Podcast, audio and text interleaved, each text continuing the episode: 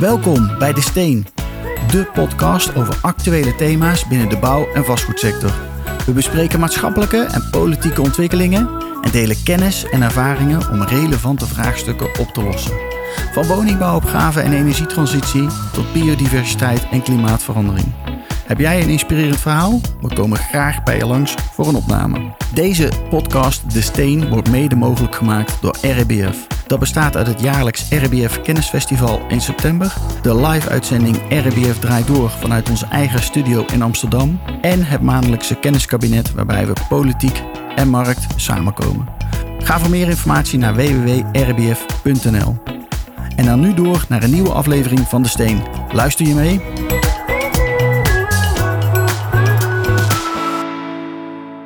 Welkom allemaal weer. Een nieuwe uitzending van RBF Draait Door. Ron, hebben we er weer zin in of niet? En dat was even geleden voor mij. Het was even geleden. Ja, dat was de vorige keer ging, eh, was paniek of niet? Mobiliteitsprobleem. Mobiliteitsprobleem, Ja, ja, ja. precies, dat was het. Laten we het daarbij houden.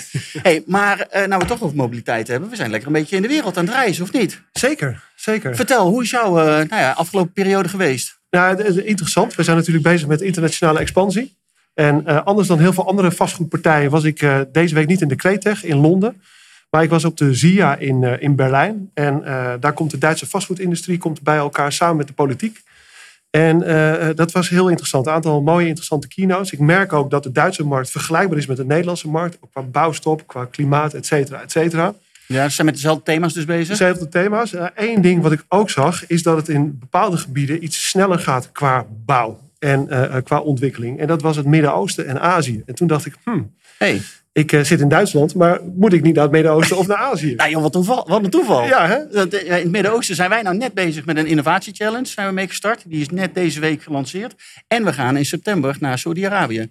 Want dan gaat daar een evenement plaatsvinden wat zijn weergaan niet kent. Het grootste vastgoedevenement ooit op aarde. 165.000 mensen gaan daar naartoe. Dat is echt bizar. Daar moeten we bij zijn dus. Ja, volgens mij moet je daar wel bij zijn, ja. Want eh, zij laten ook echt wel zien eh, hoe zij nadenken over duurzaamheid, over nou ja, de toekomst, hoe de future of living eruit moet komen te zien. Dus eh, ja, dat is echt wel inspirerend om die kant op te gaan, denk ik. Is het focus op Midden-Oosten of focus op mondiaal? Nee, dat is wel focus op Midden-Oosten. Dus niet alleen Saudi, maar wel het hele Midden-Oostengebied komt Mhm. daar bij elkaar. En het is ook echt wel de focus op dat gebied. Ja. Dus eh, ja, interessant. Hey, maar Duitsland, even terug daarna. Dat was Ja. een groot evenement, toch? Heel groot evenement. Je ziet ook, 1500 eh, man of zo? Nee, 2500 man. ook 2500, politiek. ja, Dus een aantal Ja. uh, boendesministers waren daar ook aanwezig. Eh, maar ongelooflijk interessant. Ook om eh, met verschillende mensen in gesprek te zijn. Om te kijken hoe zij met bepaalde thema's omgaan. Je merkt wel dat Duitsland nog echt in een andere versnelling zit dan in Nederland. Dus we hebben echt al wel hele grote stappen gezet. Bijvoorbeeld op het gebied van digitalisering. Daar lopen ze nog echt wel een stapje eh, achter. Ja. Eh, maar tegelijkertijd ook een, een mooi momentum natuurlijk voor partijen zoals wij. Maar ook andere partijen in Nederland of, eh, of in Europa. Om, om daar een, in ieder geval in mee te kijken. Ja. En mee te gaan. Ja. Leuk. Nou, 1500 men- man vanuit de politiek en de markt, dat is nog een beetje veel. Dus dat gaan wij nog niet redden. Wat wij wel gaan doen, is vanuit RBF een kenniskabinet organiseren. Waarbij we de politiek en de markt bij elkaar brengen. 23 mei gaan we dat lanceren. Eh, hebben we ook wat mensen uit de politiek. eh, Tweede Kamerleden, Eerste Kamerleden. Ook wat burgemeesters, wethouders. En heel veel eh, bestuurders vanuit de markt. En gaan we ook met elkaar weer in gesprek over die actuele thema's. Dus veel te doen. Maar, zullen we maar eens aan tafel gaan? Zeker. Ja, wij zitten Ja, al. wij zitten eigenlijk al. En onze tafelgasten zitten ook al eerste tafelgasten. Dat, eh, nou ja, we hebben twee ronde tafelgesprekken. Gaat met name over kantoren. Gaan we het vandaag eh, hebben. Die gaan we straks introduceren. Wij gaan eerst even kijken naar een ingesproken video van Hein Wegdam en Sofie Kraaienveld van ING. Ik ben benieuwd wat hun is opgevallen in het nieuws.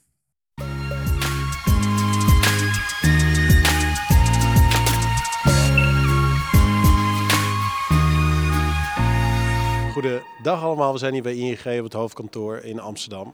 En eh, we hebben het thema, wat is jou opgevallen in het nieuws? En naast mij heb ik hier Sophie staan. Goedemiddag Sophie. Hey, Hein, goedemiddag. En wat is jou opgevallen in het nieuws? Nou, het gaat natuurlijk weer over de woningmarkt. En dan gaat het met name over de cijfertjes. Want we hebben weer cijfers gehad in maart. En we zien weer dat eh, ja, de woningprijs weer aan het dalen is. Nu is er 0,6% vanaf in maart ten opzichte van die maand ervoor. En wat me specifiek opviel is dat het aandeel kopers tot 35 jaar eh, is gestegen. Dat was eh 53% dus ja, dat is eigenlijk wel goed nieuws. Ehm, ja, zij hebben minder concurrentie van beleggers. Er zijn minder overbiedingen geweest en de huizen staan langer te koop. Dus ja, zij kunnen nu wat makkelijker kopen. En als ING zijnde blijven we nog steeds bij onze forecast dat de woningprijzen in Nederland vanaf de piek in juli 2022 tot en met het einde van dit jaar 10% zal dalen. En daar is dus nu ongeveer 4% uh, ja, al vanaf. Dus in de loop van dit jaar zal er ongeveer 6% vanaf gaan.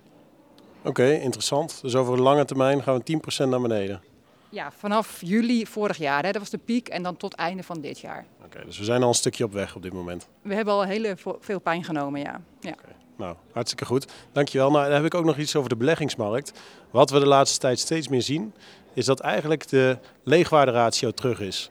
En waar je eigenlijk nou ja, voor de lage rentes een leegwaarderatio had, waar een afslag genomen werd als er een huurder in een woning zat. Die was een tijdje weg vanwege de rente, omdat die zo laag was. Die zat eigenlijk op, eh, nou, bij wijze van spreken 100%. Dus dat betekent dat een verhuurde woning net zo duur was als een uh, lege woning. Maar nu zie je door de stijgende rente eigenlijk die leegwaarderatio weer terugkomen. Dus voor beleggingswoningen zie je eigenlijk de waarde harder afnemen dan voor consumenten, voor lege woningen. En dat betekent, dat is natuurlijk een nadeel voor beleggers die verhuurde woningen hebben, maar voor uitponders biedt dat wel weer kansen, omdat je dan vooral voor het indirecte rendement een mooi resultaat kan maken. Dus dat, dus dat was mij opgevallen in het nieuws. Dankjewel en terug naar Wouter.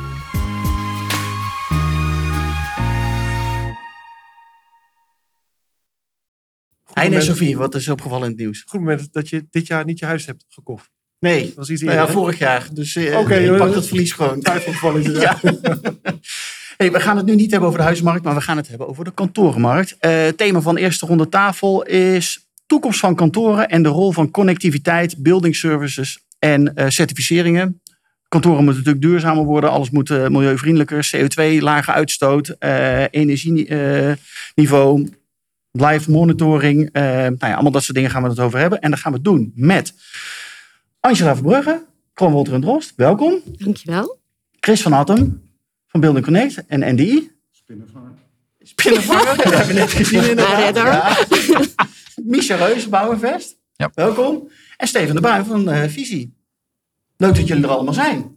Zeker. Eerste vraag aan jou, Misha. Jij bent net terug uit Londen. Ja. Want we hebben het net ook weer gehad over al die reizen in de wereld die we aan het uh, uh, verkennen zijn. Wat heb je gedaan in Londen? Ja, Londen was het evenement Cretech.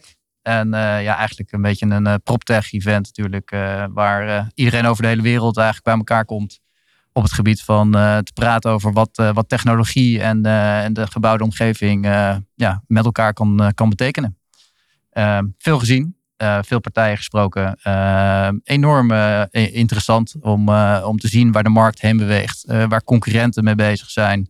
En daar ook het gesprek te voeren van wat zijn jullie, wat zien jullie gebeuren, wat, zijn de, wat zijn de onderwerpen. En dat dat dan breder is dan Nederland. Hè? Dus er is natuurlijk veel UK, maar er zijn ook mensen uit Amerika, mensen uit Duitsland. Veel uit Europa, Duitsland. Euro, veel ja. Europeanen zijn daar, zijn aanwezig en ook veel, veel start-ups. Dus ik vind het ook heel interessant om start-ups die bezig zijn in de UK, maar ook over, in Amerika, wat, wat, wat loopt daar nou rond? En, ja, veel technologiebedrijven, veel VC's die ook een goed overzicht hebben natuurlijk. Ja, veel wat VC's is nou ook. het meest indrukwekkende wat je, of meest inspirerende wat je gezien hebt?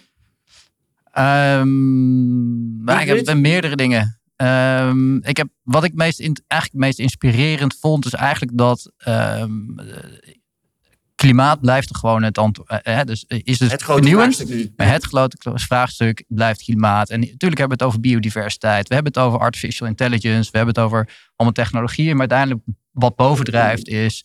jongens, operational carbon van kantoorgebouwen... maar alle gebouwen moeten beneden. Maar ook de embodied carbon is een onderwerp... waar gewoon steeds en steeds meer aandacht voor komt. En ook techpartijen die dus bezig zijn met die data... met de software eromheen... Ja. om sneller die inzicht te krijgen. En ja, dat is toch wel probleem nummer één, waar heel veel kracht en heel veel aandacht naartoe gaat. Ja, en vind je dat het ook concreter wordt? Dus dat het van, van het praten over het onderwerp ook daadwerkelijk naar oplossingen gaat?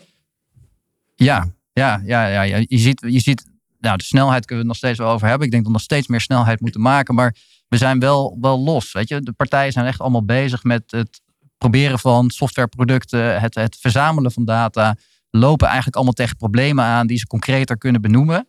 En als je tegen problemen aanloopt, betekent dat dat je er echt mee bezig bent. En dan, dan zeg je, ik moet daar iets mee. Nee, ze zijn ermee bezig. En, ja. uh, Angela, eh, hoe zie jij dat? Hoe, zie jij dat ook terug bij je klanten inderdaad, bij jullie, die, die bij jullie terechtkomen met dit soort vraagstukken vanuit de, nou ja, de klimaatachtergrond misschien wel? We willen het beter doen. Help.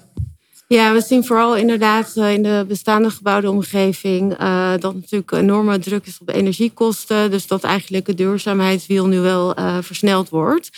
En als je wilt besparen, dan is het belangrijk om eerst inzichtelijk te maken wat je verbruik is. En gelukkig gaat de aandacht ook steeds meer naar het daadwerkelijk gebruik. Dus we hebben heel veel vraagstukken met monitoring op dit moment. Ja. Chris, hoe is dat voor jou? Zie je dit ook een onderwerp worden wat voor jou ook belangrijk is? Nou ja, ja, ja, voor ons zeker, maar vooral voor de eigenaren en de beheerders waarvoor wij werken. Ja, je die krijgen van alles op zich afgevuurd over van, ja, eh, wat moet ik hiermee en hoe kan ik dit het beste inregelen? Hoe kan het veilig ingeregeld worden? Want er komt zoveel op ze af. Of het nou de zonwering is uh, die opeens op een andere manier aangestuurd kan worden. Of, of, nee, toevallig zeg. Ah, leuk bruggetje. we hebben voorbesproken. Nee, dus, dus, dus we merken gewoon, er moet meer structuur komen in, nou ja, uh, in de infrastructuur van een gebouw. Ja. Anders ga je gewoon jezelf op een gegeven moment in de, in de staart bijten. Ja. Ja, Steven, werd al even, jullie zijn natuurlijk begonnen vanuit ook die gevelgedachte ja. en nog steeds. Uh, wij, wij, kwamen natuurlijk klassiek vanuit de gevel altijd het idee, laat nou zoveel mogelijk zonlicht en warmte binnenkomen. Maar nu, nu toch echt die transitie gemaakt naar data genereren van het gehele gebouw. Daarin ook tot de realisatie gekomen, je moet echt met de partijen samenwerken. Een goede leverancier van indoor sensoren, goed afstemmen met de rest van de installaties. Maar ook, wat wordt er nou daadwerkelijk gevraagd vanuit die gebruiker? We hebben het allemaal over een smart gebouw, we hebben het allemaal over een duurzaam gebouw. Ja. Maar wat is dat nou echt? En daar merken wij dat we de meeste tracties zien, dat we echt vanuit die gebruiker PVE wat zij neerleggen bij de ontwikkelaar zelf, dat wij daarin ondersteunen om die, die pitch van smart daadwerkelijk te, te concretiseren. Ja, cool. Maar dan moet het natuurlijk ook een integrale aanpak worden. En dat vraagstuk komt natuurlijk eh, veel bij jullie waarschijnlijk ook te liggen, uh, Angela. Ja. Uh, Christy noemt het al eventjes. Er zijn heel veel verschillende oplossingen uh, die ineens de markt op zijn gekomen om gebouwen te helpen om nou, te verslimmen, data te verzamelen. Maar ergens moet dat ook nou, bij elkaar komen. Ja, zeker. En ik zie helaas nog wel in de praktijk, als we bij de start van een, in de planvormingfase een project, dat er nog niet goed uh, wordt nagedacht over de exploitatie. Nou, gelukkig is BIM steeds meer gemeengoed. Hè? Maar ja, uh, bij de inrichting van een BIM-model is het ook goed om na te denken van hoe je de exploita exploitatie uiteindelijk gaat doen. En ik denk dat we daar nog wel winst uh, kunnen behalen door zeg maar, bij de start in een planvormingfase ook alvast na te denken wat doet het gebouw in de exploitatie zoveel mogelijk aan de voorkant al nadenken wat je in de eindfase uh, nodig hebt. Ja. Uh. Hoe zit het met de samenwerking, ook tijdens de exploitatie? Want je hebt met heel veel verschillende partijen te maken, ook nog met verschillende systemen. Ja. Hoe is dat met de samenwerking? Nou, je ziet inderdaad, uh, in een gebouw zijn heel veel data beschikbaar, maar allemaal in, in silo's. Dus het is wel gewoon goed als één partij de regie neemt. Om uh, die data ook integraal beschikbaar te maken. Want uh, ik schrik soms van de hoeveelheid dashboards die een beheerder op zijn kantoor heeft om zijn gebouw te monitoren. Ja, dat maakt het ook niet veilig. Nee, dat maakt het niet veilig, maar het frustreert het proces ook vaak.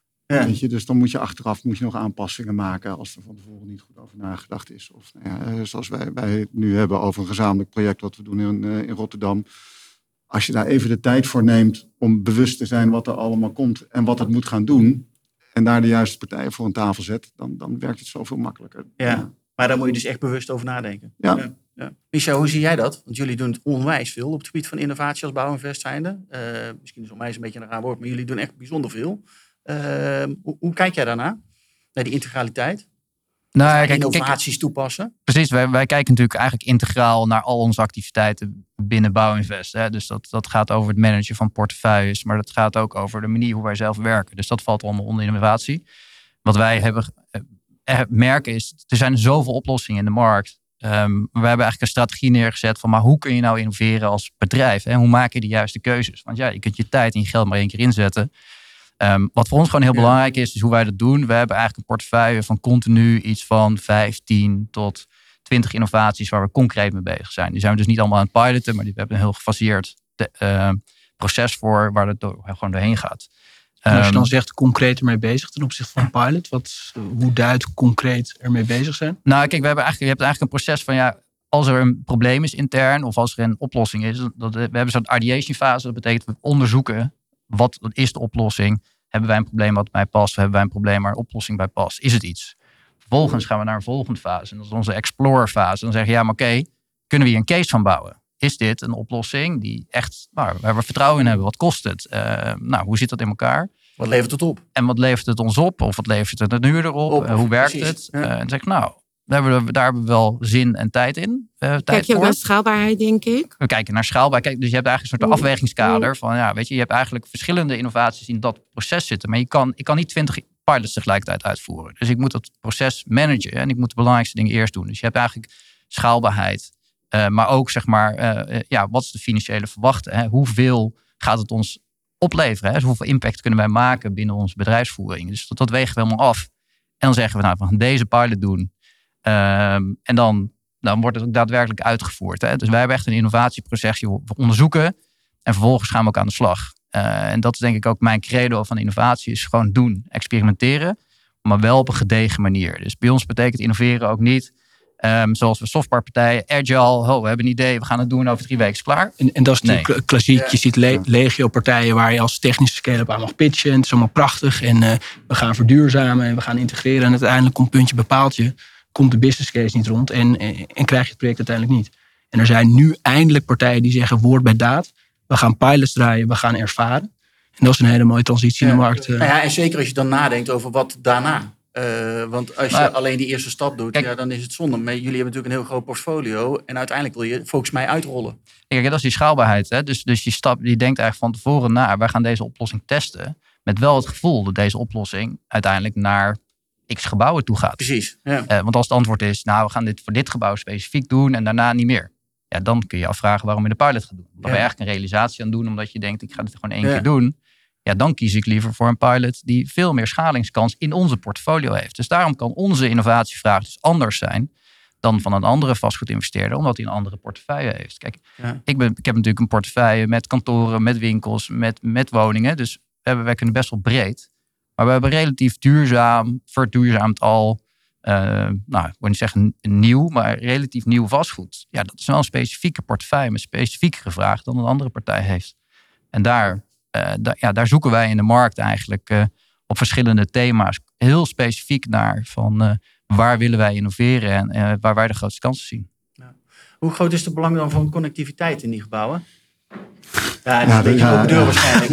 Ja. Goeie vraag, Wouter. Ja, heel, heel, heel leuk. Ja, ja, ja essentieel. Maar, maar tegenwoordig is de connectiviteit, dat is wel dat is te regelen. Maar, maar, maar ook in bestaande, kijk, nieuwe gebouwen lijkt me vrij eenvoudig. Maar bestaand ook? Ja, bestaand ook wel. En, en de wil om daarin te investeren, of de noodzaak om daarin te investeren, is er inmiddels ook. Ja. Want, want, want geen huurder gaat in een pand waar, nou ja, laten we zeggen, op het gebied van security uh, weinig, weinig gedaan is. Ja. Dus dat is natuurlijk essentieel. Ja, afhankelijk van de locatie allemaal. Maar, ja. maar je, je merkt gewoon dat connectiviteit staat nu gelijk aan, aan security. Dat, merk, dat merken wij. En uh, ik noemde net ja, al security even, bedoel jij data security? Ja, en, en, en zorg ervoor dat alles wat dat gebouw ingaat, dat het er uh, veilig ingaat, maar dat het er ook veilig uitgaat. Ja. Dat, is, dat is essentieel. En, ja. um, daarvoor is het, jij, jij zegt net van we hebben heel veel pilots die we, die we hebben. Daarvoor is het zo belangrijk om in zo'n fase ook goed te kijken van ja, maar hoe, hoe is dit nou in elkaar gezet? Hè? Zitten hier geen achterdeurtjes hmm. in waar op een gegeven moment iemand nou ja, ja. Uh, kwaad mee zou kunnen? En, en, en dus. Kom je, je gebouw... rare dingen, kom je rare dingen tegen?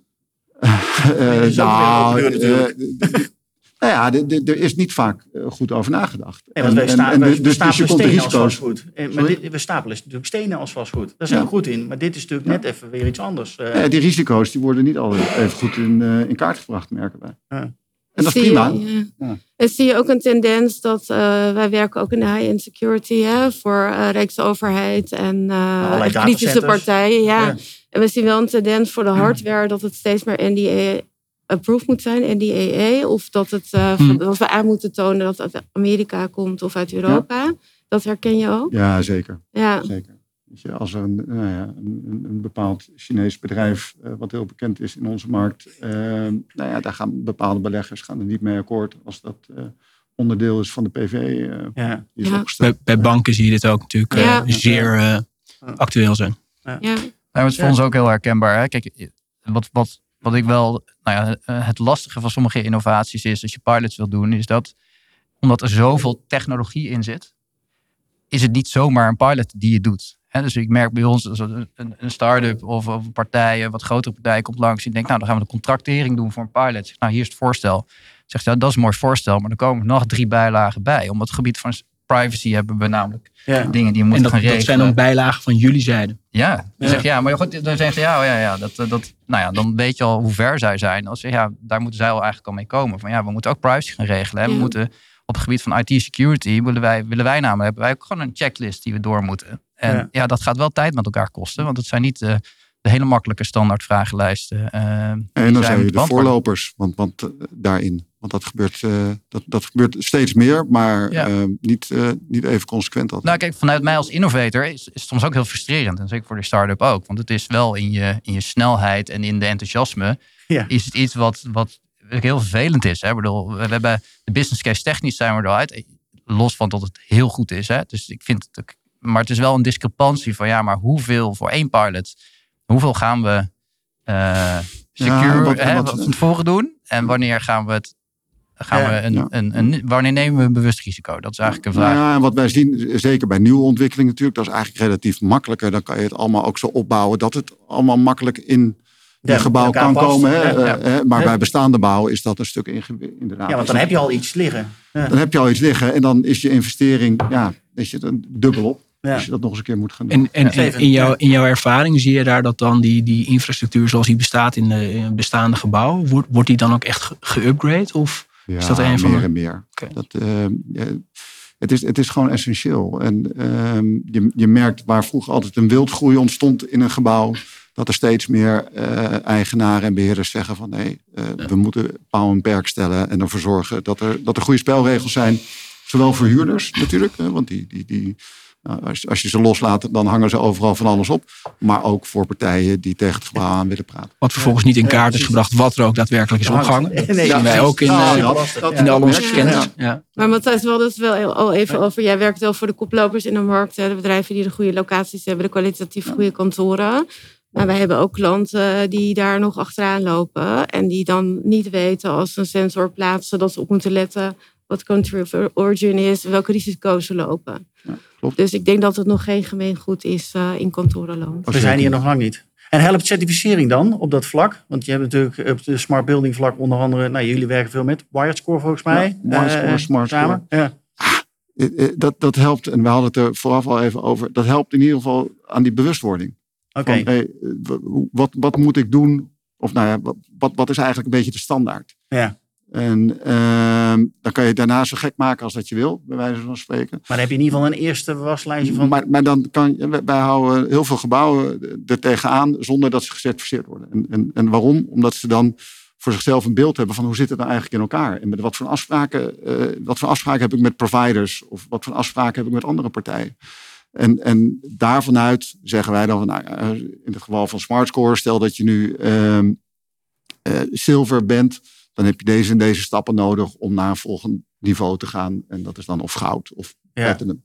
Ja. En dan, kun, dan, dan is het aan, aan, aan de eigenaar om te bepalen van ja, daar heb ik behoefte aan of, eh, of niet. En het, is, Ja. het is ook vaak, eh, wij dachten altijd dat het wel een commercieel ding was. Dus dat bedrijven ergens gingen huren als er zo'n mooi stickertje op zat. Wat in het geval van Bream natuurlijk wel eh Zeker. klaarblijkelijk zo is. Maar, maar in, in, op dit vlak is dat niet het geval. Maar wij zien nu dat vooral de, de beleggers, die gaan eisen stellen erin. Dus die zien de waarde van dergelijke certificeringen als nou ja, toegevoegde waarde eh, van hun portefeuille. Ja. En, en ja, dan, dan ga je wel het verschil zien tussen nou ja, als er iets zilver is of als er iets goud is of als iets. Ja. En dus als jij een platinum portefeuille hebt, nou ja, dan ben je een grote jongen. Merk je ook soms dat, er zit verschil tussen ontwikkeling en exploitatie. Ja. Ik kan me voorstellen dat om kosten te drukken je in de ontwikkeling, dat het een nadelig effect kan hebben op de exploitatie. Hoe, hoe gaan jullie daarmee om? Of word je al in de ontwikkeling betrokken? Ja, meer en meer. En, Ja? en nou ja, toevallig, eh, nogmaals, dat project waar we het over hadden, dan, dan worden wij ingevlogen net voordat het PVE, eh, of nou eigenlijk het bestek is, is, is Ja. opgesteld. En dan Ja. kunnen wij nog net een paar dingen daarin benoemen en zeggen van, nou, dit nou net wat doen, anders, of zorg daar nog voor bepaalde invoeren. Ehm, en gaandeweg praat je dan mee in die, in die ontwikkeling. eh, en zorg je ervoor dat op het moment dat die exploitatiefase komt, ja, dat, dat, dat er geen gekke dingen meer neergezet moeten worden Uh, voor, voor wat betreft connectiviteit en, en, en dat soort gebouwgebonden zaken. Nou, zelfs tot het niveau dat je meegaat in de advisering over een fit-out pakket. Waar kan die gebruiker zorgen nou voor dat, dat, uh, dat de infrastructuur er ligt. En uiteindelijk is het toch een huurdersvoorziening, maar adviseer hem, onderbouw het.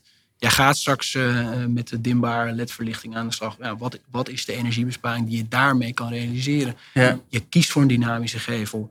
Uh, maak dat plaatje nou eens gewoon financieel hard. En dan gaat het leven worden gebruikt. Is dat voor jullie ook handig om zo vroeg mogelijk in het proces aan tafel te zitten, is? Is, is essentieel. Als ja. ik kijk naar alle nieuwbouwprojecten waar wij betrokken zijn, dan zie ik geen project uh, voor, uh, voorbij komen wat minimaal BREEAM excellent is. Maar we bewegen heel snel naar net zero. En vandaag nog op een van de grote vastgoedwebsites de beleggers en gebruikers willen een donkergroene portefeuille hebben. Ja. En dan hebben we het nu nog over een, een, een, bepaald label. Maar het gaat om in-use. Het gaat om real-time monitoring. Daarbij kunnen we het natuurlijk nu makkelijk hebben met submits over wat is het energieverbruik. Maar maak hem nou eens, breid dat nou eens uit op je narrowcasting. Hoeveel natuurlijk licht komt er binnen? Hoeveel zicht en komen is er die erbij? vragen ook al op uh, real-time Nou, monitoring? dat- of is het nu nog allemaal labels en certificeringen? Het, het is nu nog de vraag, wij willen een smart gebouw. ja. En dan chargeer ik even. Hè? Maar wij adviseren over wat doet dat smart gebouw nou straks voor jou als gebruiker. Ja. Want volgens mij kan je helemaal losgaan als smart gebouw. Je kan, je kan er van alles in hangen. Oh nee, en, Ja. En, als vind je de het, balans? en als het niet geïntegreerd is, heb je er vrij weinig aan. Ja. Eens.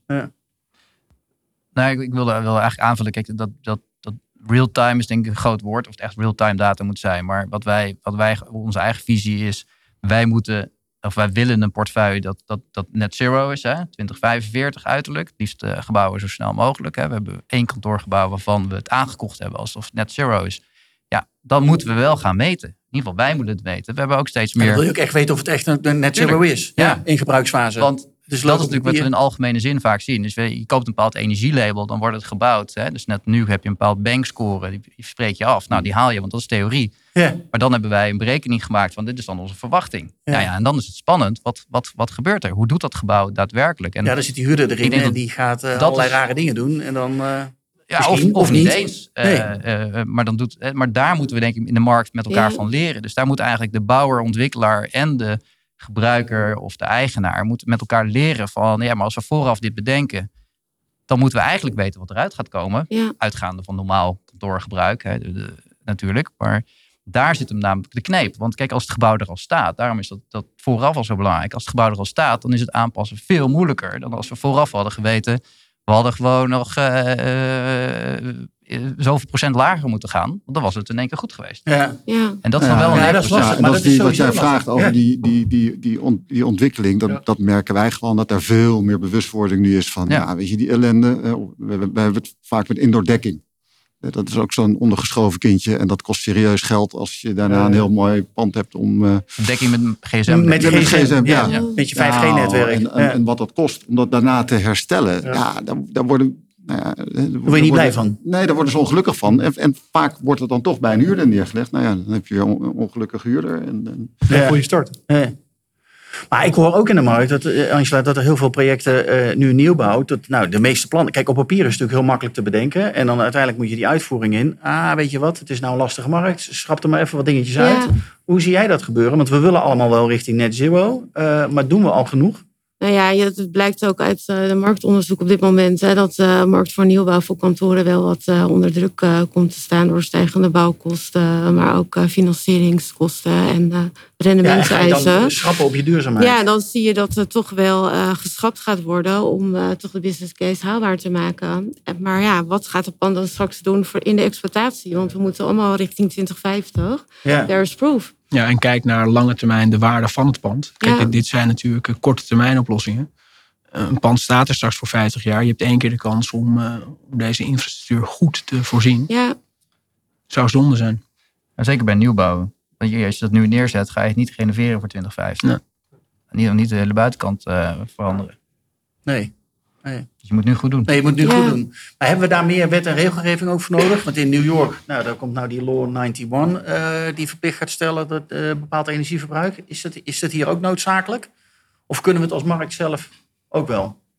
Of hebben we toch Nou, wet en ik- regelgeving nodig die ons gaat dwingen? Ik, ik moet zeggen, Paris Proof eh, leeft nu wel dusdanig dat er geen ontwikkeling voorbij komt waar niet het woord Paris Proof valt. ja. En ik denk, we, we moeten ook waakzaam zijn. Ja, wet en regelgeving is natuurlijk essentieel. Maar hou het vooral overzichtelijk. En we kunnen ons vasthouden aan 50 kilowattuur, 70 kilowattuur in gebruik. Hele goede start. Ik denk dat het belangrijk gewoon in basis is dat we weten waar we in 2050 vanuit moeten gaan met elkaar. Hè? Dus dat we eigenlijk niet als En dat terug naar nu halen. En Ja. dan, dan nu halen van als we dan nu goed met elkaar rekenen, is het nou van een kantoor gewoon zo dat die 50 kilowattuur per vierkante meter mag verbruiken? Als dat zo is, dan zetten we daar een strik omheen en dan gaan we daar Ja. allemaal aan werken. En dan kopen we ook gebouwen wat dat nu doet. Hè, Dus als belegger heb je een betrouwbare onfeit nodig die op de lange termijn, waar je op lange termijn afspraken mee kan maken. Dat is de ideale situatie. Want dan, het vervelend is natuurlijk als je zegt, we gaan uit van 50, we doen allemaal 50 en over, over drie jaar roept iedereen, nee, het moet toch 40 zijn. Ja, als je dan vanuit Ja. Europa weer iets nieuws Ja. krijgt, ja, dan, Dan denk je, nou, dan- niet blij van. Dan Ja. moet ik nog een keer, wat ik, niet, wat ik dus niet wilde. Hè. Dus het is prima als we meer regels eh, eh, maken. Maar eigenlijk gaat het over een gezamenlijke visie. Wat het moet zijn. In Waar moeten we 2050. uitkomen? En dan weten we waar we naartoe moeten werken. Ja. En, en de gegevens zijn er. Ja. Ehm, maar ik zie nog wel een discrepantie tussen werkelijk energieverbruik en, en, en de normen die daarvoor neergezet worden. De, hè, dus de, de stippen die gemaakt worden. En de regels die de overheid u stelt. Klopt. Ja.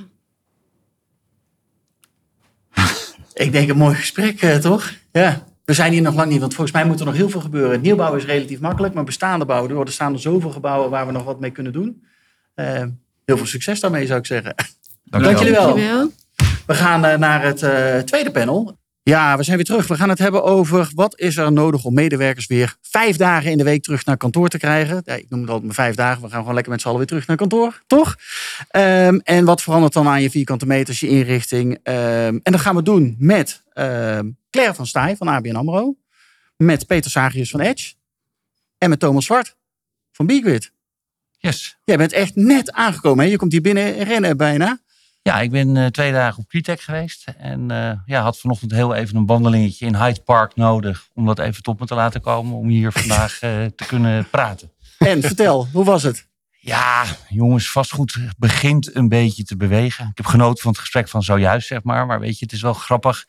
We gaan pas bewegen omdat het nu onderdeel wordt van de taxatie. Hè? Ja, ja, ja. Dus weet je, dat zeelabel is leuk. Hè? Maar het is een hardware dingetje. ja. Hè, Want als je het raam openzet, dan verwarmen we gewoon de buitenlucht. Dat zegt niet zo heel veel. Maar de roep om real-time data, ook in eh, Londen, ja, onberispelijk. Ja, mooi.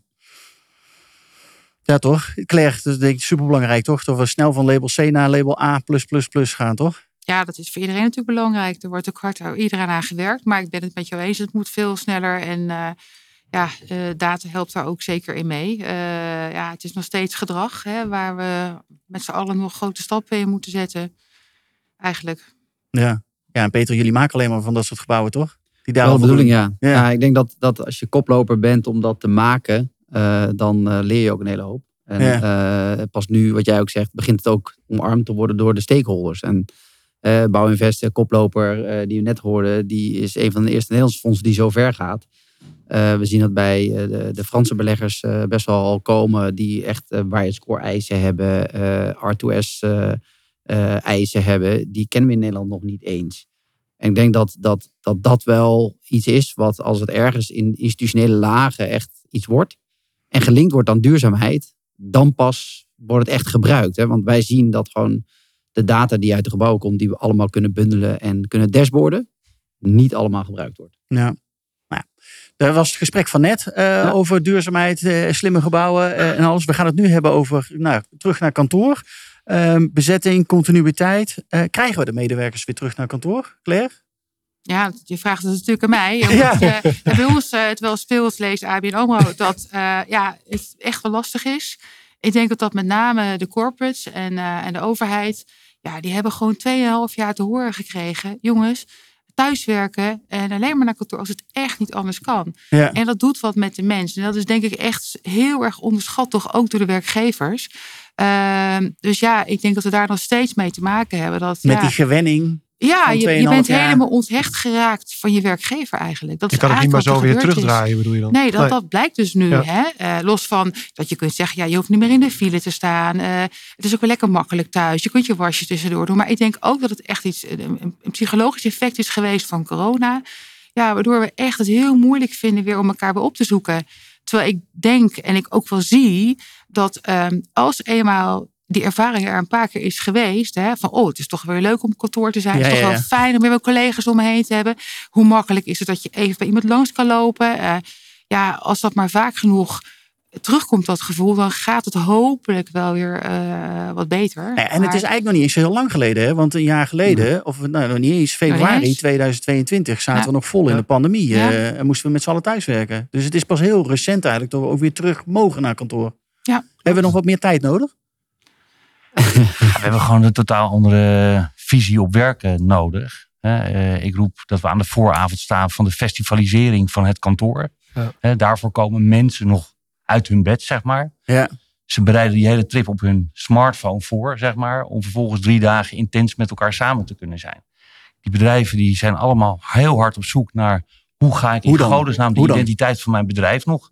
Goed voor het voetlicht brengen. Ja. Nou, en daar moeten gewoon slagen in gemaakt worden. Dus zet ze gewoon zes weken per jaar op unieke plekken. Hè, dat kan gewoon in de omgeving die op bestaat. En die moeten we net even iets meer barbapapa maken. Hè, dat ze een beetje kunnen meebewegen. Ja. Ja, en dan ga je als bedrijf weer kleur bekennen. En dan ben je weer trots om ergens te werken. Hoe heb je doe dat je de rest heb van de tijd met het kantoor dan eh, in jouw optiek? Ja, daar moeten we gewoon mensen gaan eh, laten wonen. En andere dingen laten doen. Weet je, we moeten daar echt iets anders voor Je zegt gaan eigenlijk, je moet er event spaces van maken die tijdelijk kantoor zijn. En daarna zijn ze een andere functie. Ja, maar ook gefragmenteerd gewoon wel lekker die kantoren houden. Hè? Want kijk, ik geloof namelijk dat mensen terug gaan komen als je Ik leuke ook. festivals met elkaar hebt. Het zal alleen wat gefragmenteerder over het land gaan gebeuren of over Europa. In Amsterdam hebben we geen huizen meer. In Parijs betaal je belasting als je woning te lang leeg staat. Hè? Dus dat is best wel dichtbij. Ja. Nou, als je wat meer op die manier gaat kijken naar de markt, ja, dan, kunnen we, dan kunnen we echt weer te gekke dingen gaan doen. En ga je dan zien dat na die zes weken zeg maar, per jaar dat je op kantoor bent, dat het daarna weer wat meer intensiveert? Ja, als wij het leuk hebben samen, Ja. dan gaan we elkaar vaker opzoeken. Ja. En dat denk ik Dat dat kantoor, gevolg. dat dat kantoor weer Ja. veel meer in waarde toeneemt. Maar ik denk wel dat je als onderneming je moet gaan onderscheiden door een paar goede boosters in zo'n jaar te gooien. Dat je nog weet voor wie je werkt. Ja. Ja, want die medewerker, die gaat het meeste veranderen. Nou ja, zie je- jij dat, Peter? Ja. Ja, wij- wij zien daar wel grotendeels hetzelfde. En, en, en eigenlijk wat Claire net ook aangaf, is het gedrag van de mens moet gewoon nog bepaald worden na de pandemie. Ja. En, en hoe doe je dat? Hè? Ja. Wij zien dat klanten kiezen voor een nieuw kantoor om eigenlijk een transitie door te maken. Ja. Hè, eh, er zijn, we hebben net eh, een tijd geleden Edge Amsterdam West opgeleverd, maar ook Valley. Totaal andere klantengroepen en dingen. Maar ze hebben allemaal gezegd, we, we identificeren ons bedrijf eigenlijk met dat gebouw. Ja. En dat, heeft, dat helpt die eh, werkgever om mensen te laten eh, komen naar kantoor. Maar ze moeten wel programmeren. Hè? Ze moeten het programmeren. Om mensen... eh, ja, Hè, dus, dus wat, wat interessant was in de, toen wij ooit Edge opleverden voor Deloitte. Toen was het zo van, hey, het is de gaafste werkplek en het is iets nieuws. En het is een verandering omdat we drie grote vestigingen samenvoegen. Ja. Dat is een financiële overweging. En nu zien ze het eigenlijk als een HR-overweging om mensen naar kantoor te krijgen om dat vernieuwde kantoor te hebben. Ja. En waar dat dan staat, dat is voor elk bedrijf anders. Hè. Wij zijn actief in die grote steden, maar we zien het ook wel al buiten de, de grote steden gebeuren. Dat zo'n zo'n MKB-bedrijf gewoon een heel goed gebouw maakt op een station in Meppel of, of wha- whatever. En dat is gaaf geprogrammeerd. Drie Waar je echt gewoon wil zijn. Ja. Ja. Ja. Ja, ik denk, weet je, wat ik het leuke hier aan vind? Weet je, als we dat gebouw nou gewoon gaan zien als een smartphone. Weet je, wij weten niet wat erop zit over vijf jaar. Weet je, je doet nu met een smartphone wat je tien jaar geleden niet verzonnen had. Nee. Als je op die manier naar gebouwen gaat kijken en dat je de basis goed neerzet, ja, daarna gaan we het wel meemaken. We weten het gewoon niet. Maar ik heb wel het gevoel dat er steeds meer mensen ook teruggaan. Ik had gisteren kreeg ik een uitnodiging binnen. En er stond in de uitnodiging van... joh, past op met parkeren. Want het zou best kunnen dat de parkeerplaatsen vol zijn. Ik denk, hè, hè dat is goed nieuws. Want het is ook vervelend. Want dan moet je ergens Ja. anders gaan staan. Maar ik denk ook, nou, als er dus de parkeergarage vol zit... dan zijn er dus veel mensen weer terug op kantoor. Ja, maar wij zien wel denk ik, dat, dat de stromingen per bedrijf heel verschillend zijn. Hè. Ik kan me voorstellen dat als je bij, eh, bij een heel innovatief bedrijf werkt, eh, eh, zoals gisteren de Koning in zijn podcast al aangaf van Edwin Evers, je moet met elkaar ontmoeten, wil je innoveren. Hè, dus je moet elkaar blijven zien. Ik denk dat bij een heel innovatieve omgevingen dat dat gewoon automatisch gebeurt. Hè, ik denk Dat dat, bij de, bij de IT-tak van ABN AMRO, de, de, de innovatieclub die Tikkie ooit bedacht heeft, die gasten zitten allemaal op kantoor, met hun head, ook al zitten ze met hun headphone op. Ze zitten nog steeds allemaal tegenover elkaar te praten en te bedenken hoe ze nou die infrastructuur moeten maken. Maar bij een klassiek eh, eh, overheidsgerelateerd bedrijf waar het niet nodig is omdat ze een administratieve functie hebben, Ja, krijgt hij maar eens gebeurt dat vijf dagen minder. Ja, ja, daar is echt die Ja. event of dat, dat dingen, die, Ja. die trekker voor nodig. Dus, gaat er, dus er gaat een tweedeling ontstaan. Nou, die is er al. Die is er dat, al dat, dat, dat, wou ook, dat wou ik net ook nog eh, eigenlijk Nou, vertel, naar Claire. wat, wat ik hoor nog even toevoegen. Ik denk dat die tweedeling er echt is. Kijk op de weg. Alles wat daar rijdt. Dat zijn zeg maar de kleinere tot middengrote bedrijven. Want die zijn allemaal bijna weer 100% als ik ze spreek, allemaal weer terug naar kantoor. Ja. Sterker nog, eh, de, de medewerkers moeten weer knokken voor een dagje thuis ongeveer. en het is echt waar. Het is echt de overheid eh, ja, en de corporates die gewoon als enige. En laten we dat net ligt dat aan? nou ja, Durven die het niet te zeggen tegen medewerkers? Waarmee, en het MKB waarmee, misschien nou wel? dat, maar waarmee ik ook begon. Zij zijn ook het langste thuis gebleven. Ja. En, en, en het je eerste. moet ze echt verleiden. Het is echt, je moet ze echt verleiden. Ja, en, dat, en dan moet je een goede kantine weer hebben. En, en, en, en juist die dingen zijn vaak afgeschaald op dit moment. Hè, en zijn nog niet weer op het goede niveau teruggebracht. Eh, nou, je, inderdaad, je kunt een, eh, ik heb gezegd, doe eens een keer een barbecue bij ons voor op het plein. Weet je, waar iedereen mag komen, maakt niet uit. Hè. Eh, nou, dat soort dingen. Of je nou een heel festival van je kantoor moet maken. En of dat nou past bij een corporate. Ik, ik weet het niet. Ja, wij Nou ja, maar- wel het festival. Dat, maar, dat- maar dat is, Ja, dat is dat het is een leuke. Ja. Ja, maar of het wel past bij een corporate, leuke vraag. Ja. Ehm, Ja. Ja, ik denk het wel, toch? Waarom maar, niet? maar die corporate is een medewerker. Kijk, en co-creatie eh, gaat het, komt het best tot zijn recht op het moment dat mensen iets doen samen wat niet mag. Dat is, nou, is bedrijfsmatig wat lastiger, maar dan moet je ze vervolgens dingen laten meemaken die ze niet eerder hebben meegemaakt, zodat er weer contact optreedt. En ik, ik vind de verrassing, want die mis ik eigenlijk in alle discussies over de werkplek van de toekomst. Kijk, het gaat er gewoon continu om dat je dingen laat gebeuren die mensen niet eerder zijn tegengekomen. Ja, die ze niet anders thuis zou- hebben. Ja, want anders blijft dat kanaaltje maar rechtlopen. En dan, dan leren we niet snel genoeg. En we hebben wel snelheid nodig om die toekomst echt te veranderen. Het is natuurlijk wel echt een cultuuraspect. En om de cultuur maar zo weer een andere manier in, of in te richten of, of een andere weg in te laten slaan. Dat is natuurlijk ongelooflijk ingewikkeld. Helemaal bij organisaties die dat niet maar zo in huis hebben. Kijk, een bol.com die heeft een innovatie of een ambitie of een weet ik veel wat voor type managers dat soort eh, partijen hebben. Dat is anders dan bij gemeenten en overheden. dat is ook de Maar ja, als jij ook bij, bij Capital C, had je daar ook niet gewoon grote corporates zitten die gewoon daar met een klein team. Ik, ik, Zeker, kan me voorstellen. zeker. En, die, en die lieten we ehm, ja, in, in de klokkentoren door de tijd reizen.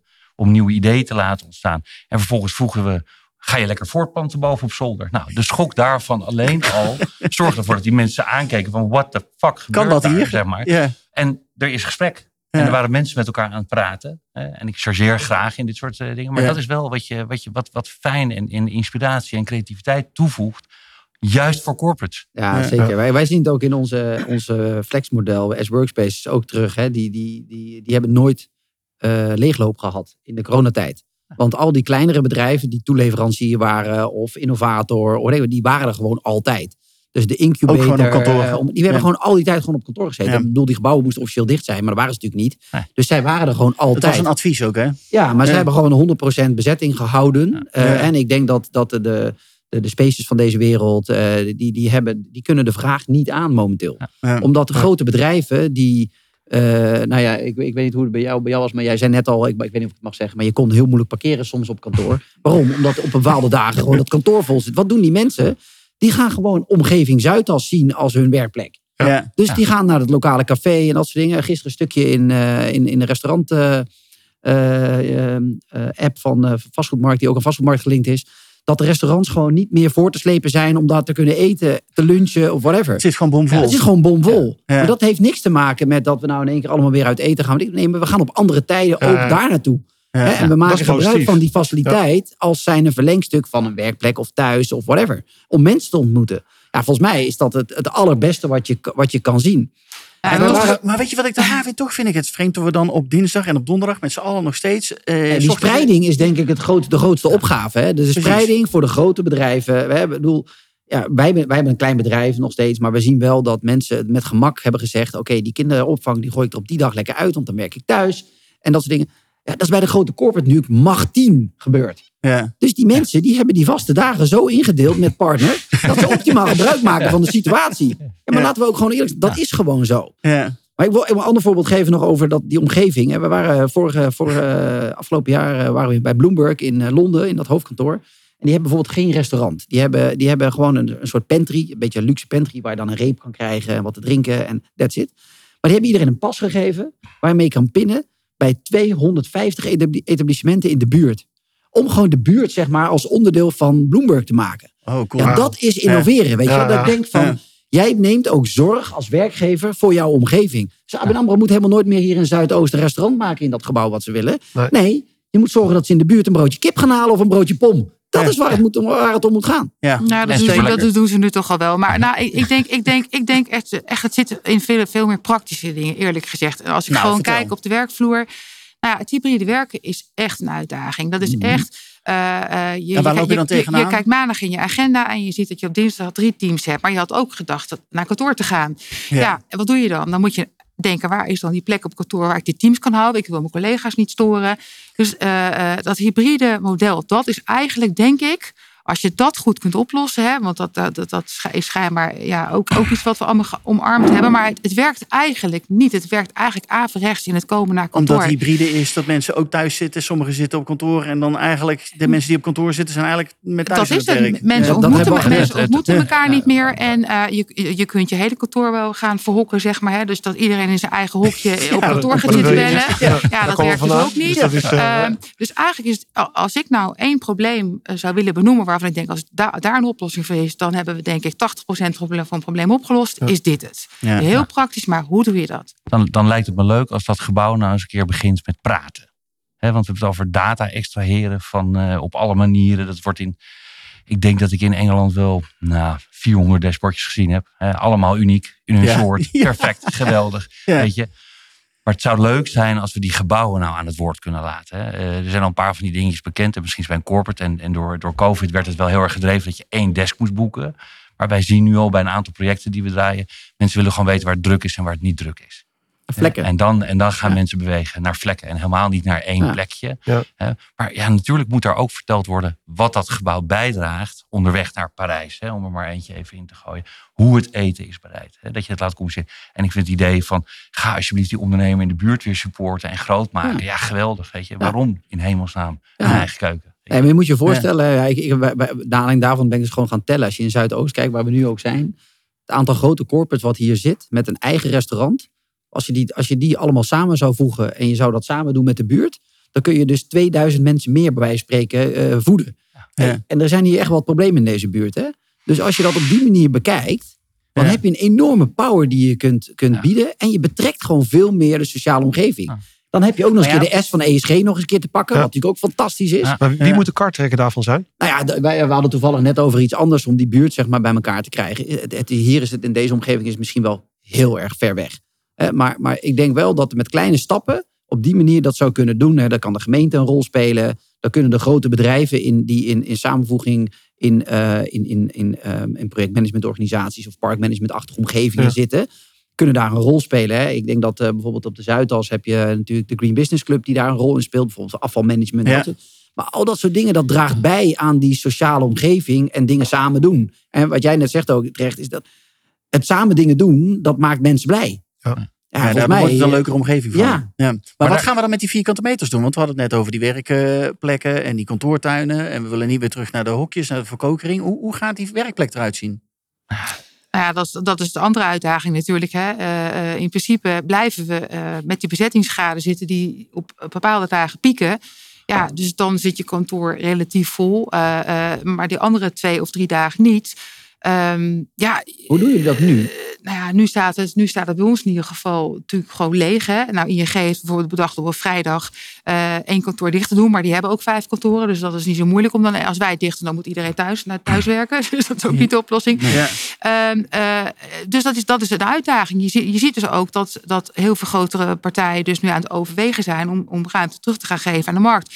Wat ik niet verstandig vind. Want ik denk Ja, dat er, zoals jij zegt, een moment komt dat we toch allemaal weer naar kantoor gaan. Ja, en zie dan maar weer die ruimte terug te krijgen. Dat is een beetje de cyclus in, de, in het corporate real estate domein, Ja. zullen we maar zeggen. Ja. Maar ehm, ja, dus ik, ik, ik, ik, er moet een oplossing voor gevonden worden. Maar als we op een andere manier met onze ruimte omgaan. We zijn natuurlijk allemaal, de jaren voor corona hebben we juist allemaal eh, eh, batterijen gemaakt, zullen we maar zeggen. Hè? Zoveel mogelijk bureaus op zo weinig vierkant, mogelijk vierkante meter. Ja. Nou, dus, dus we zitten allemaal best wel op elkaar. Eh, door dat een beetje aan elkaar te trekken en ook wat eh, prettigere werkomgeving te creëren met z'n allen, heb je denk ik al een heel groot gedeelte van die ruimte sowieso nodig. Ik kan niet helemaal in percentages dus nu zeggen Nee, je van gaat niet wat, naar minder wat, vierkante meters wat dan. gaat er nou terug of wat blijft er. Maar ik denk echt dat dat we, niet. dat we niet te snel moeten teruggeven aan de markt. Nee, ook omdat we niet voorbij Want gebouwd het idee van Want Thomas klinkt natuurlijk fantastisch. Maar daar heb ik al heel veel vierkante meters voor nodig. Ja. Tuurlijk. Ja, je, moet ook, je moet ook leuke meters blijven maken. Ja. Kijk, Ja. wat. Leuk, wat leuk zou zijn bijvoorbeeld, hè, als ING en ABN samen één kantoor nemen. Ze gebruiken het toch niet voor de helft van de tijd. Weet je? Dus je kunt zelf op de band gaan zitten. Security is ongeveer hetzelfde. En daardoor blijft er meer budget op om daarna eens op een andere plek iets heel vets te maken. Wat niet alleen zij zelf gebruiken, maar misschien ook nog wat andere partijen uit de buurt. Weet je? Als we er op die manier een beetje naar kijken. En dan gaan natuurlijk heel raar. buurtgemeentes gaan ook bij elkaar zitten. En eh, andere Ja, maar overheidsgebouwen. dan komen we wel weer andere plekken terug. We moeten Ja. nog een paar woningjes erbij zetten volgens mij. Dus, dus eh, weet je, eh, maar het gaat er gewoon om. Hè? En ik probeer natuurlijk een beetje te plagen. Maar het, het zou best wel zijn als je gewoon... eh, Weet je, als je bij ons op de tech... Hè, het bedrijf Bgrid is 95% Delft. Die vinden het gewoon niet logisch. Wat vinden ze niet logisch? Ja, die, die zeggen gewoon van nou, die gebruiken een 50%, die gebruiken een 50%. Dus 1 plus 1 is 2. Nou, ga maar aan de gang. En Ja. die denken helemaal verder niet na over wat voor sociaal... Nee, dat past toch? Ja. Maar dat is ook het probleem. Ze denken er niet over na. Maar in, in, in de praktijk botsen die dingen, botsen die dingen gewoon. Lukt het toch niet allemaal. Eh, de theorie en de praktijk, die, die verschillen Ja, echt. ja, die zijn ook super weerbarstig. En- dat is- alleen, super alleen weerbarstig. de maar dat- ruimte is er. Ja, nee, Ja. natuurlijk 1 plus 1 is 2 zou je zeggen. Maar dat, uiteindelijk eh, hè, kan dat dus niet. Dus, eh, en Ja, ik dat denk heeft- dat, dat ook identiteit van je bedrijf is natuurlijk een, een, een cruciaal onderdeel. Zeker in de, in de corporate sector. Hè. En dat is niet alleen de banken, maar gewoon de echte hele corporate wereld. Is Zeker. natuurlijk gewoon, heeft stoeit eigenlijk met, met een imagoprobleem. En of het nou een verzekeraar of een bank of, of whatever is. Hoe, krijgen ze nou zo, hoe trekken ze nou werknemers aan? Waarom zijn ze leuk? Waarom zijn ze Ja. aantrekkelijk? Ja. Hè, waarom is een innovatief bedrijf aantrekkelijker? Een Adyen dat eigenlijk ook een bank is. Versus een, een, een ING of een ABN AMRO. Dat heeft te maken met, met filosofie, met locatie waar ze zitten. Hè. Eh, om, het omgekeerde is gebeurd. Hè. ING is de stad uitgevlogen en ABN AMRO. En ehm, die zijn naar plekken gegaan, persoonlijk gezegd, sociaal eh, verantwoordelijker. Maar Adyen heeft de binnenstad omarmd en iedereen wil daar werken. Ja. Het het het er tegenin. Ja. maar ik vind het wel interessant als je zo naar de, naar de, naar de markt kijkt. Van hé, hey, wat gebeurt daar nou? Hè? Andere, andere is wel weer zo dat tech was zeg maar afgelopen eh, kwartaal eh, vier van afgelopen jaar de grote vraag in Amsterdam naar kantoorruimte. Maar door alles wat er in Amerika gebeurt en in, in de macro-economieën en in, in, in de techwereld, is er in één keer een volledige vraaguitval. En wie zijn er dan hier, hebben, hebben, nu, hebben nu interesse in kantoren in, in Amsterdam? De grote klassieke consultants, eh, de meer gerelateerde aan de bank. Eh, dat, dat is toch, Ja. Dat, dat is ook de markt die dus zo'n, die, die zo in beweging is en, en die dynamiek geeft. Ja. Ja, persoonlijk vind Maar ik vind- is dat fijn, die dynamiek? Ja, is dat ja, nou voor ons is dat natuurlijk het allermooiste. Want eh, wij, ja, wij, zijn natuurlijk, wij varen er wel bij om mooie gebouwen te maken. Om dan dus ook klanten te trekken en dat vervolgens aan bouwinvest te kunnen verkopen. Hè. Dat, dat is natuurlijk Top. wat wij doen. Eh, eh, maar het model. interessante is dus nu dat de lawyers bijvoorbeeld, die bewogen de afgelopen 15 jaar eigenlijk niet. Maar elke lawyer heeft momenteel een huisvestingsopgave om interessant te zijn voor, Nieuw voor nieuw personeel. Ja. Die hebben een sociale opgave, want de werkdruk staat te hoog. eh, de, Ja. de, dus er is veel te veel pressure. Die willen anders zijn, die willen nieuw zijn, die willen sociaal verantwoordelijk zijn, maatschappelijk verantwoord zijn. Dus wat doen ze? Laten we eerst nog een nieuw jas kopen, dan zien we er in ieder geval anders uit. Ja. Ja, die, lagen, die lagen letterlijk bij Capital C voor de deur. Ja, ongeveer. precies. Dus, hè, dat, dat ga je niet interessant. 1, 2, 3 verwachten. Was niet onze ja, doel, inderdaad, om maar ja. zo te zeggen. Ja. Maar juist omdat ze net Ja. even die prikkelende omgeving willen Ja. maken voor hun medewerker. Ja. Eh, En daar ligt de challenge. Ik denk dat die medewerker van de toekomst, hoe we die in kaart gaan brengen. Ja, wie dat het beste doet, die wint het potje. Ja. Ja. Maar ligt dit dan aan de medewerker of ligt het aan het cultuur van het bedrijf en dus de baas? Nou, wie- een combinatie, is denk ik. Het is een combinatie. Ja. Ik bedoel, eh, eh, de generaties die er nu aankomen, die denken gewoon heel anders. Dat is ook vaak natuurlijk wel ook een beetje deel van, eh, van de puzzel en ook de uitdaging. Ja, de mensen die nu de, de beslissingen nemen, dat zijn natuurlijk niet die mensen die er over 20 jaar of 30 jaar nog zitten. nee. En dat- je merkt ook wel dat daar ook wel echt een, eh, een, ja, een mismatch wil ik niet zeggen. Maar het is ook echt, echt, wel- echt wel lastig om je erin te verplaatsen. Want hè, de, de old school eh, manier van kantoren neerzetten. En eh, zoals we dat de afgelopen 30 jaar hebben gedaan. Ja, die is denk ik inderdaad wel echt een beetje voorbij. Daar, daar zullen we echt wel in moeten vernieuwen. En dat is maar goed ook trouwens. Ehm, ja, maar hoe dat eruit gaat zien, nou, het is wat je zegt. Ja, ja die, degene die dat weet, die... ehm, Ja, het is Heeft wel leuk. Want, want je ziet een aantal bedrijven wel eh, echt zeg, eh, die geven de jeugd binnen het bedrijf veel meer een platform om dat werk dingen te ontwikkelen. om daar die brug te staan. Kijk, ik denk dat ze allebei even belangrijk zijn. Hè, want, we zitten hier met z'n allen. Hè. Maar je moet wel, denk ik, eh, talent veel meer sturend laten zijn. Hè, waar ze nu heel vaak iets mogen doen. Ja. Nee, ja, geef ze maar een keer de sleutel van de auto. Ja. Nou, ik wel interessant. weet je, ik denk dat je bij de, bij, wij zien het in het klein ook, maar bij de grote corporates zul je het ook meemaken. Eh, de, de, de generatiekloof, die is eh, gek genoeg door corona lijkt die obvious groter of zo. Ja. Dus er zijn veel meer vragen naar eh, parttime werken bij mannen, bij vrouwen. Dat, het, het, het speelveld wordt daar ook anders in. We gebruiken van de vijf dagen kantoor, gebruiken we er misschien maar echt effectief drie. Eh, eh, mensen die werken er, eh, maar werken misschien wel gewoon zeven dagen, omdat ze met die smartphone altijd aan het werk zijn. Ja. Eh, dan wordt nu bij de grote Microsoft bijvoorbeeld, die zegt gewoon van eh, hele strikte tijden waarop je dat ding mag gebruiken en dat soort dingen om mensen gewoon ook, anders te laten denken en anders dingen te laten doen. Ja. En dat soort dingen, dat heeft ook invloed op hybride werken. Want eigenlijk zijn we hybride altijd aan het werk. Hè? Dus, dus jouw sociale leven die zo door dat werk heen gaat leven, heeft ook invloed op de plek waar je dat echte werk wil doen. Terwijl dat, Dat is dan hybride echt werk. Op kantoor is maar het werk. Ik noem maar even een lawyer die Ja, stukken ja. moet beoordelen en lezen en dingen. Dat wil hij op een plek doen waar hij, waar hij zich prettig voelt, waar hij zich gefocust kan gedragen. Maar dat andere werk, waar hij met relaties moet, eh, moet sparren over, over een transactie of iets dergelijks, dat wil hij op een hele leuke plek doen. Ja. Dus, dus de, de verschil van plekken en omgevingen die je kiest op een dag of in een week, die verschilt gewoon heel veel. Ja. Daarom, daarom gebruik ik altijd die smartphone. Kijk, op dit moment zien wij aan de, onze smartphone hoe gezond we zijn.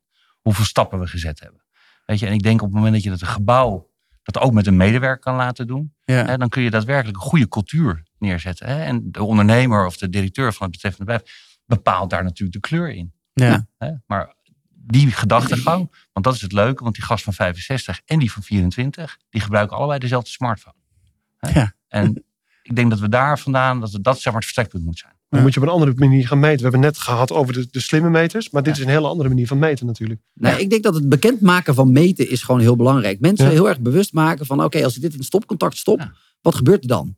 Hè, Gaat dan het verbruik van dat gebouw omhoog en hoeveel CO2-uitstoot ik- eh, heb, ik- uitstoot heb ik dan? Eh, En, en, ik, de- weet je, en, en dat, dat geldt op voedsel, dat geldt op autobewegingen, dat geldt op heel veel dingen. En ik denk dat, dat de, de, de ja, je wil ook gaan meten ben- wie er, wie ik ben naar gisteren kantoor komt. 40 geworden, helaas. Ja. Nou, maar ik ben nog steeds voor mijn gevoel jong. Maar ik heb medewerkers die, die net uit schoolbanken komen. En Die, zit- die, die hebben gewoon elke dag commentaar op het feit dat er altijd maar gewoon allerlei lampen aanstaan. Dus ja, dat is toch helemaal niet nodig. Nee, maar hebben die ook commentaar die, erop hoe, of mensen wel of niet naar kantoor gaan? Want daar hebben we het nu. eh, maar die zeggen dus eh, allemaal, wij zijn op kantoor. Hè? Die Ja, komen ja, kantoor. En die willen allemaal naar kantoor. Ja, maar, dat heeft maar dat heeft ook een andere reden. Die hebben thuis geen werkplek. Ik bedoel, als jij Ja, gewoon op eh, 40 vierkante meter of 35 vierkante meter in Amsterdam Nou, maar ze willen denk ik ook leren Ze van, willen van, leren, van, dat van, is het. seniors. Exact, ze willen Ja, leren. En ze willen elkaar ze. ontmoeten, ze Ja. willen het leuk hebben met elkaar. Ja, Eh, precies. Ze willen misschien een keer een stapje Ja. hoger opmaken. Nou, dan moet je toch je Ja, dan moet je misschien een paar keer spreken. Ja, Ja. nou, dat is interessant, want ik weet niet hoe dat bij de corporate is. Maar kijk, wij zijn eh, gewend om allemaal op kantoor te zijn. Ons bedrijf is gewoon, wij, wij willen gewoon met elkaar zijn. Hè, Ja. bedoel, Toevallig waren er een paar mensen nu op reis deze week. Maar in, in de basis willen we allemaal op kantoor zijn. om, om, om, om toevallige ontmoeting te creëren en, en ideeën uit te wisselen, continu. Ja. Maar ik ben heel benieuwd van, hey, weet je, wel, hoe, hoe doet nou de manager van een bedrijf wat vroeger eiste van iedereen die op kantoor moest zijn? Hè, even de financieel manager onder de financieel directeur van ABN AMRO. Hoe doet hij dat nou? Ja, die man heeft dezelfde keuzes waarschijnlijk gemaakt door twee dagen in de week of drie dagen in de week thuis te werken. Hoe kan hij dan verkopen aan zijn jonge personeel dat ze met z'n allen op kantoor moeten zijn? Dat is Ja. toch heel moeilijk? Ja. Ja, Terwijl je er zelf niet bent. Ja. Hey jongens, wat zijn nou tips voor die werkgever om die mensen weer terug te krijgen na een jaar eh, pandemie? Of is het gewoon te kort geweest? Nou, moet je verhaal moeten we even samenvatten. moeten we even? Nou ja, Wat is de ik- allerbelangrijkste tip Ik, voor ik denk inderdaad dat het nog te kort is, toch? Ja. Dat- Dat vind ik op zich verrassend, hè? want ik dacht dat mensen eerder terug zouden veren. En dat, dat is dus nog niet gebeurd. Maar ja, ik hou toch nog steeds hoop dat, dat, dat, dat mijn collega's in ieder geval, maar überhaupt weer, wat vaker terug naar kantoor gaan. Maar ik denk echt, en dat is echt waar, ik, heb, ik vraag het echt regelmatig, die oplossing voor het hybride. Hè, gewoon hele praktische teams. waar hè, Oké, ik heb er drie morgen, ik kom niet naar kantoor. Dat besluit moet iemand niet eens hoeven te nemen. Het moet gewoon kunnen. Hè? En, Ja, het is een soort en- en- lifestyle en- change eigenlijk, hè, die Ja, je zoekt van en- en- mensen. Ja. ik denk dat dat wel een heel groot eh, onderdeel van de oplossing zou zijn, eerlijk gezegd. En, en dan inderdaad zorgen als je op kantoor komt en als je er bent, dat het fijn is. Hè? Ja. Eh, ehm, en wat fijn is, nou, dat moeten we nog steeds met z'n allen invullen. Hè? Want daar, daar, daar, Maar het moet weten bijna we- fijner zijn dan thuis. Want anders blijf je thuis in je eigen fijne eh, ja, nou ja, kijk, en kijk naar, die, naar, die, naar die, eh, die, die jongere generatie bij ons op kantoor. Ja, los van het feit dat ze klein bij huis zijn, vinden die het ook echt leuk om elkaar te ontmoeten. hè? Dus, Ja. dus, en dat snap Ja. ik ook heel Ja. goed. En die vinden het ook leuk om mij te ontmoeten. Ja. Of jou. Hè? Ja. Gewoon omdat dat is onderdeel van hun leven. Hè? Eh, dus, Ja. eh, eh, en dat snap ik ook heel goed. Dus ja, het is een combinatie van dingen. eh, maar ook echt een aantal praktische oplossingen. Dat is denk ik ook echt een hele belangrijke. Ron, ga jij naar kantoor? Iedere dag. Iedere dag. Nee, ja. serieus. Ja, ik, ik ben ook. Ja, kantoor. ja, ik ook. Maar dat komt wel, ik zit hierboven, dus ik ben Dat altijd blij dat, hartstikke dat ik jou leuk. weer tegenkom. Ja, ja, ja, ja. Het is hier een groot feest altijd. Misschien moet op elk kantoor een Wouter zijn. Nee, dat kan niet. Nee, oké. ja. Ik denk dat bij, bij ons ook. Bij ons gaat eigenlijk iedereen altijd naar kantoor. Maar maakt heel bewust een keuze om niet naar kantoor te gaan als het niet nodig is. Ja. Omdat ze eh, op afstand dingen moeten doen, juist. Hè? Ja. Dus met name bewustzijn waarom je waarom naar kantoor gaat. Ik had afgelopen week was mijn vakantie, maar ik was gewoon aan het werken. En ik ging donderdag naar kantoor met de gedachte, nou, dat is de drukste dag bij ons op kantoor. Dat is namelijk traditioneel gezien is het net zeg maar 100% dan normaal. Ja. Er was helemaal niemand. Kan ik daarvoor niks voor mijn gevoel. Maar dat is ook heel erg lekker. Voor Alleen mij op was het- kantoor. ja, voor mij is dat niet zo erg. Alleen ik vond het heel jammer, want ik had de doelstelling inderdaad om een aantal mensen te noemen waarvan ik wist die zijn niet op vakantie. Ja. En ze waren toch op vakantie of ze waren toch niet daar. Ja. Ja, dat vond ik wel lastig, zeg Ja. maar. Maar gisteren op jouw verjaardagfeestje, dan is iedereen er wel. Dat was iedereen er. Ja, dat is wel mooi. Jongens, we gaan hem afronden, denk ik. Eh, Thomas, wil jij nog een laatste uitbrander? Eh, nou, een kantoor moet verrassen. Hè? En vooral de mensen erin. Ja. Weet je, maar zet muren op gekke plekken. Weet je, zet de lift niet in het hart van het gebouw, maar aan de zijkanten. Dat mensen langs elkaar heen lopen. Ja, creëer ontmoeting. Creëren ontmoetingen. Ja, That's it. ja superleuk. Het Italiaanse dorpspleintje waar Koen van Oostrom het altijd over heeft. Pleintje waar iedereen een koffietje komt drinken. Exact. Daar Ja. moet iedereen langskomen. Ja, Trufino gaat daar een ijsbarretje eh, of, een, eh, of een pizzeria. Ja, de naam heb je mee. Ja, daarom. Dat kan. Dank jullie wel eh, voor dit gesprek. Eh, super interessant, denk ik. We gaan hem afronden. Dus dank jullie wel voor jullie komst allemaal. Eh, voor alle sprekers planten wij altijd een boom eh, via Trees for All. Dus er zijn er weer mm, een stuk of acht bijgekomen. Eh dat is superleuk. Ja, voor de Niet kijkers thuis. vergeten, hè? Nee, niet- nee, ja, dat kunnen we ook doen. Maar dan moeten we elke keer voor onszelf een boompje planten. Lijkt me een heel goed idee. Ja, hebben zich. straks een eigen bos. Ja, toch? Wow, Hey. dat zou zijn. Heel goed. Eh, dank jullie wel voor het kijken allemaal. Fijn weekend allemaal. En eh, tot snel. En voor tickets voor RBF, www.rbf.nl. Moet je snel zijn, want tot 31 maart met 50% korting. Nou, hebben we die er ook maar even uitgegooid. Lekker Toch? Fijn weekend en tot snel. Je luisterde naar de podcast De Steen. Hopelijk hebben we je geïnspireerd om een beter gebouwde omgeving te creëren. Er kan al namelijk zo ontzettend veel. Deze podcast wordt mede mogelijk gemaakt door RBF. Dat bestaat uit het jaarlijks RBF Kennisfestival in september, de live-uitzending RBF draait door vanuit onze eigen studio in Amsterdam en het maandelijks kenniskabinet waarin markt en politiek samenkomen. Voor meer informatie ga naar www.rbf.nl. Het team van RBF wens je een fijne dag toe. Bedankt voor het luisteren en hopelijk tot snel.